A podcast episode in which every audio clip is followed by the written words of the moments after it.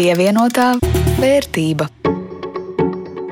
Sveicināti! Latvijas rādio ēterā pēc vasaras atgriežas raidījums pievienotā vērtība par aktuālo ekonomikā, biznesa iespējām un arī problēmām, par naudu un kā to vairot. Raidījumu jums veido Jānis Ramāns no Latvijas radio un Rudīts Pakausks no Latvijas televīzijas. Šodien, es domāju, mums noteikti vajadzētu paskatīties, kas pavasarī noticis ar mūsu ieguldījumu portfeļiem. Es savu lielākoties paturēju, un tu? Es arī, un tā arī nesaņēmos pārdot, un droši vien labi, ka tā, bet par to vēlāk. Kā ierasts, arī šajā sezonā jūs turpināsim iepazīstināt ar Baltijas biržas uzņēmumiem. Šodien par to, vai ir vērts ieguldīt Lietuvas lauksaimniecības kompānijā Līnas Agrogrupu un ar ko tā īsti nodarbojas. Un par to, kā ar atkritumiem pelnīt naudu. Šajā nozarē ir gana daudz brīvu nišu, bet pieprasījums pēc zaļiem uzņēmumiem aug un izskatās, ka drīz nekur nepazudīs. Pievienotā vērtība. Bet vispirms, ko varam gaidīt no šī rudens, ja runājam par un ap naudas lietām? Nu, vispirms, protams, jāvēro, kas notiks ar Covid. Kārtējais vilnis nāk kā melns mākonis, ko slēgs ciet, kuriem uzņēmumiem būs grūtāki laiki. Atbildīgie gan sola, ka vakcinētajiem dzīve būs brīvāka un tik totāla ekonomikas slēgšana kā iepriekš nebūs, bet cilvēki plāno, vīruss dara. Vīruss dara, bet vakcinējamies gausi. The Economist aplēsis, ka lēns vakcinēšanās temps maksā. Visai pasaulē tas izmaksā 2,3 triljonus ASV dolāru. Izmaksas šajā gadījumā par tik samazināsies šo valstu ekonomiku izlaide tuvākajos gados.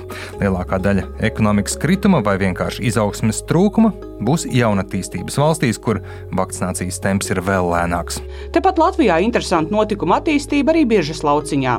Par plānoto akciju sākotnējo piedāvājumu runā degvielas uzpildes staciju tīkls Virši A. Un arī Air Baltica akcijas varētu nonākt biržā, jo uzņēmuma darbībai valsts iegulda krietni daudz, un akciju tirgošana biržā varētu būt veids, kā budžeta naudu atgūt atpakaļ.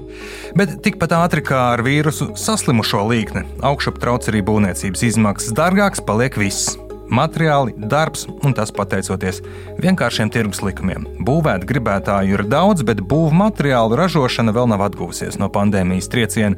Tā rezultātā jau iesāktie projekti paliek dārgāki, mm, neatkarīgi no tā, vai tā ir privāta māja vai kāds liels infrastruktūras objekts. Pievienotā vērtība. Turpinājumā parunāsim par modi. Klasiskais melnais vienmēr ir bijis modē, bet uzņēmējdarbībā jaunā modes krāsa ir zaļā. Jā, globālā sasilšana, piesārņotie okeāni, atkritumu daudzuma pieaugums pasaulē - tās vairs nav tikai problēmas, par kurām uztraucas un strīdas konferencēs zinātnieki, ne tikai politiskajā dienas kārtībā, bet arī mūsu ikviena ikdienas dzīvē aizvien pārliecinošāk ienāk tādi jēdzieni kā ilgspēja, otrreizējā pārstrāde, atjaunojamie resursi, dabai draudzīgs dzīvesveids un tā tālāk. Un nevis tikai saukļu formā, tāda zaļmazgāšana, bet jau ar reāliem plāniem un iespaidīgām atbalsta naudas summām. Gan Eiropas fondu, gan pēc pandēmijas ekonomikas atjaunošanai paredzētās naudas, liela daļa no tām paredzēta tieši zaļām, dabai draudzīgām idejām.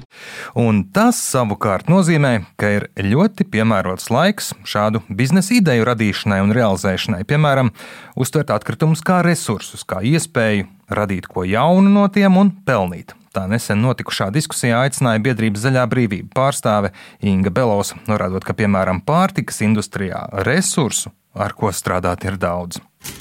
Apmēram 2,5 miljardi tonu pārtikas ko es kā vidējs latvietis tiešām nevaru arī iedomāties savā izpratnē, bet man labāk patīk to procentos pārvērst, tāpēc saku 40% ik gadu pasaulē no visas izaudzētās pārtikas netiek izmantota, netiek apēsta, tā teikt konkrēti. Līdz ar to tas ir ļoti liels um, apjoms. Un otrs apjoms, jeb otrs lielais skaitlis, kas ir um, 53%, lielākā daļa, tātad vairāk nekā puse no visiem pārtikas atkritumiem rodas nevis pārtikas audzēšanā, nevis pārstrādē, nevis ražošanā, vai transportēšanā, vai uzglabāšanā, vai tirzniecībā, vai kā mēs Latvijā nu, vidēji domājam, ka nu, tas droši vien, ka restorānos daudz izmet. Nē, draugi, tā ir mājsaimniecībās izmestā pārtika.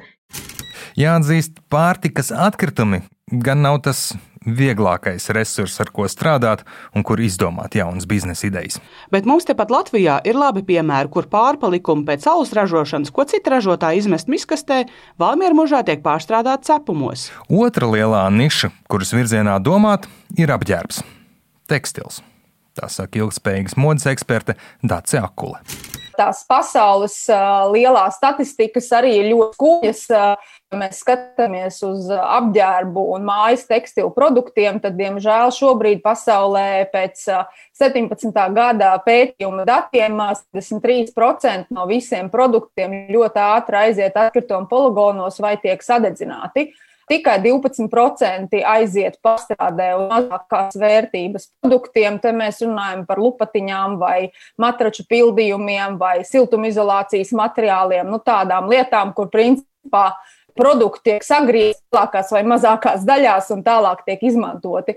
Un, diemžēl tikai viens procents no tā visā pasaulē šobrīd aiziet uz jaunu apģērbu pārveidi vai pārstrādi. Ja? Tad, tad no vieniem apģērbiem mēs tiekam pie jauniem. Un līdzīgi cipari mums ir arī Baltijas valstī aptuveni puse no tā, ko mēs īpašajos konteineros ieliekam, šobrīd aiziet atkritumu poligonos vai tiek sadedzināti. Šobrīd Latvijā ir uzņēmumi un biedrības, kas nodarbojas ar otrreizēju atkritumu pārstrādi, bet lielākoties tie ir tādi mazi hobiju uzņēmumi, bieži vairāk dzīves stils vai dzīvesveids, bet pasaulē ir pāris labi piemēri, kur uzņēmumi darbojas šajā jomā un laika gaitā ir izauguši gana lieli. Un patiesībā jau tagad daudzās nozarēs, pat ja pamat biznesa nebūtu nav tas dabai draudzīgākais un ilgspējīgākais, tiek mēģināts ieviest kādas dabai draudzīgas izpausmes, jo tas kļūst izdevīgi. Jo ir jāspēj parādīt klientiem, ka tev, pat ja pamatā esi cūcīgs, šie jautājumi uztrauc. Piemēram, naudīgie skandināvu turisti ar saviem makiem liek mainīties turismu industrijai Latvijā. To no pieredzes stāsta uzņēmēja Linda Freimane.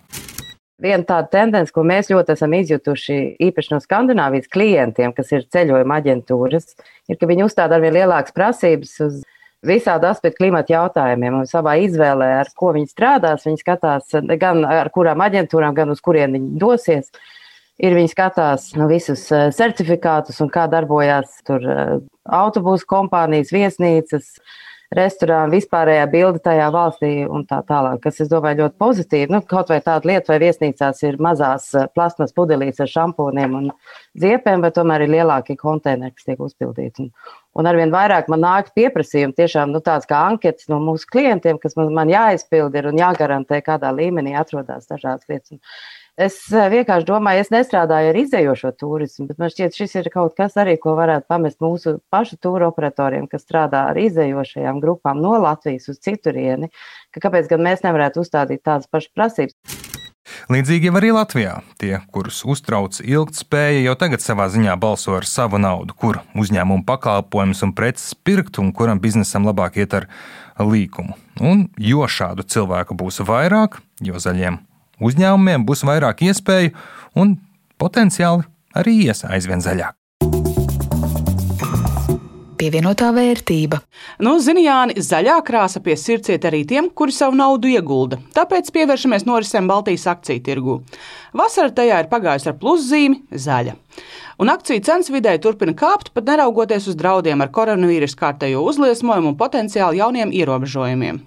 Jā, Tallinas biržas indeks aizdītajā nedēļā auga par 7,3%, Viļņā pieaugums par 2,5%, bet Rīgas biržā mazliet pieticīgāk, tomēr ar pluszīmi 0,6% augšup. Aizdītajā sezonā abi veidojām rudīt mēs savus portfeļus, pirkām, pārdevām uzņēmumu akcijas. 300 eiro bija mūsu sākuma kapitāls, un atgādināšu, ka pērno sezonu noslēdzot, izrādījos es tas mazliet veiksmīgākais, un izrādās, ka abi savus ieguldījumus un izveidotos portfeļus joprojām esam paturējuši, un kā tad tavam portfelim pagāja vasara, tas atpūtās vai strādāja? Nu, pēc mūsu pavasara sarunas es nolēmu, jāsaņemās un kaut kas jāpārdod. Pārdevu jūras medicīnas centra akcijas, piefiksējot 64,5% peļņu. Izklausās ļoti iespaidīgi, tādēļ tikai klusi teikšu, ka reāli nopelnīti 24,5 eiro. Kopā manis ieguldītie 300 eiro izauguši līdz 439,21 eiro. Nu, nav slikti, bet kā tev klājies? Man laikam neizlēmība ir atmaksājusies. Domāju, izpārdot savu portfeli pilnībā, Tomēr pārdomāju, tad šurpu turpu mainīju domas. Beigās pārdevu tikai Olaņa farma akcijas, jo a, tur grūti saprotama akcionāra strīdi un rīvēšanās, un tam visam izsakojot, tikai beidzas no nervu šūnas. Mm, pateicoties lielākoties divu uzņēmumu ļoti straujam akciju cenu kāpumam, tie ir Latvijas SAF tehnika pieaugums 208%, Igaunijas kūpanka veseli 268%, un līdz ar to man ieguldītie 300 eiro ir izauguši jau līdz 526,52 eiro kapitāls teju dubultots mazāk nekā viena gada laikā, un pat rasties tāda sajūta, ka es tur kaut ko saprotu, nevis vienkārši paveicies. Nu, es balsoju par to, ka tev vienkārši paveicās. Bet, lai vairotu sapratni par to, kādi uzņēmumi ir Baltijas biržā, ar ko tie nodarbojas un vai vispār tajos vērts ieguldīt, stāstam par šiem uzņēmumiem un novērtējam tos arī ar profesionālu ieguldījumu ekspertu acīm. Šodien par uzņēmumu, kurā pati esmu akcionāre - Lietuvas lauksaimniecības kompāniju AB Linas Agro Group. Turpina Linda Zalāne. Lietuvā bāzētā mātes kompānija Linas Agro Group veic tikai vadības funkciju un konsolidē 39 uzņēmumus Lietuvā, Latvijā, Igaunijā un Ukrainā. Grupa ir viena no lielākajām Lietuvas graudu eksportētājām. Tajā pašā laikā tas ir viens no līderiem lauksaimniecības resursu, piemēram, certificētu sēklu, mēslošanas līdzekļu un lauksaimniecības tehnikas piegādē Lietuvā. Uzņēmuma paspārnē darbojas arī sēklu sagatavošanas rūpnīca. Koncerns ir liels piena ražotājs Lietuvā un lielākais putnu gaisa ražotājs Latvijā. Grupā strādā vairāk nekā 2000 darbinieku. Uzkrājuma ieguldījuma eksperts Kaspars Pēcinieks, vērtējot Linas agro grupu no ieguldītāja skatu punkta, ir piesardzīgs, sakot, ka kompānija ir liela, darbojas plašā laukā, tverot dažādas biznesa jomas, līdz ar to šī uzņēmuma izvērtēšanā potenciālajiem investoram jāpieliek samērā liels pūles, un kas pats galvenais, tas ir arī darbietilpīgs process. Ja skatāmies uz eh, vēsturisko sniegumu akcijas cenā, tad iepriekšējā piecgadu laikā eh, Līnas agro akcijas ir pieaugušas par 31%, ja 5,6% gadā, kas pats par sevi nav daudz, tomēr eh, labāk būtu plusā nekā mīnusā. Un jāpiebilst, ka akcijas cena nav gluži tā, ka visas gadus saulīgi vienlīdzīgi. Šis straujais pieaugums īstenībā notiks tikai viena gada laikā. Vērtējot finanšu rādītājus, eksperts akcentē pozitīvo, ka pēdējos gados apgrozījumam ir tendence pieaugt. Priecē arī pagājušā gada peļņa - 10 miljonu eiro apmērā. Tomēr, atskatoties vēsturē, var secināt, ka iepriekš Linas agro grupa ir spējis pelnīt vēl vairāk pie mazāka apgrozījuma. Mājā uzņēmums ziņoja par iepriekšējo 9 mēnešu rezultātiem, kuros apgrozījums bija pieaudzis par 50% līdz uh, 712 miljoniem eiro. Savukārt EBITDA peļņas līmenis bija 17,1 miljonus eiro. Lielākais pieaugums bija no graudu segmenta, savukārt visas gaļas ražošanas segmenta ienākums samazinājās. Kopumā pēdējais finanšu rezultāts ir uh, iepriecinošs, taču iepriekšējā gada finanšu rādītāji norāda uz to, cik neprognozējams ir uh, lauksaimniecības biznesa un kā var mainīties apgrozījums un uh, arī attiecīga peļņa atkarībā no neietekmējumiem faktoriem. Potenciāliem investoriem jāspēj orientēties plašā darbības laukā, jo uzņēmums darbojas ļoti daudzās un dažādās nozarēs. Jāizvērtē un jāspēj prognozēt katras nozars ietekmējušos rādītājus. Kā piemēram var minēt visas gaļas ražošanas segments, kurā sakarā ar Covid ierobežojumiem ir krities pieprasījums no horeka, jeb hoteļa, restorāna un kafejnīcu segmenta, un eh, tā rezultātā visas gaļas cena ir pazeminājusies, savukārt tie pašā laikā barošanas izmaksas ir pieaugušas, un tā rezultātā šis segments tieši zaudējuši. Nu, līdzīgi būtu jāspēj parādīt par dažādiem segmentiem. Un tomēr, vai ņemot vērā koncerna spēju 30 gados augt un attīstīties, tas šobrīd ir pievilcīgs, lai iegādātos tā akcijas? Kopumā es atturētos izteikt savu viedokli par to, vai akcijas šobrīd ir pievilcīgas ieguldīšanai vai nē. Īsi ātri novērtēt, vai tās ir pievilcīgas vai nē, tas būtu ļoti laikietilpīgs eh, process. Nav arī tāds, ka to nevarētu izdarīt, tomēr vienmēr jāpatur prātā, cik daudz laika ir jāiegulda un cik mēs potenciāli no šīm akcijām varētu nopelnīt. Eksperts mudina izvērtēt tādus uzņēmumus, kas ir vienkāršāk saprotami, lai gan šis uzņēmums varētu būt pievilcīgs tiem, kas vēlas ieguldīt ilgtermiņā un pārzina Līnas agro grupu plašo darbības lauku. Līna Zalāne, Latvijas radio. Pievienotā vērtība. Ar to arī skan raidījums pievienotā vērtība. To jums veidoja Jānis Ramāns no Latvijas radio un Rudīts Pakauska no Latvijas televīzijas. Par labskaņu parūpējās Ulrichs Grīnbergs. Raidījums pieejams ne tikai Latvijas radio ēterā, bet arī šis un daudz iepriekšējo noklausāmi raidierakstu vietnēs. Uz tikšanos pēc nedēļas! Pievienotā vērtība.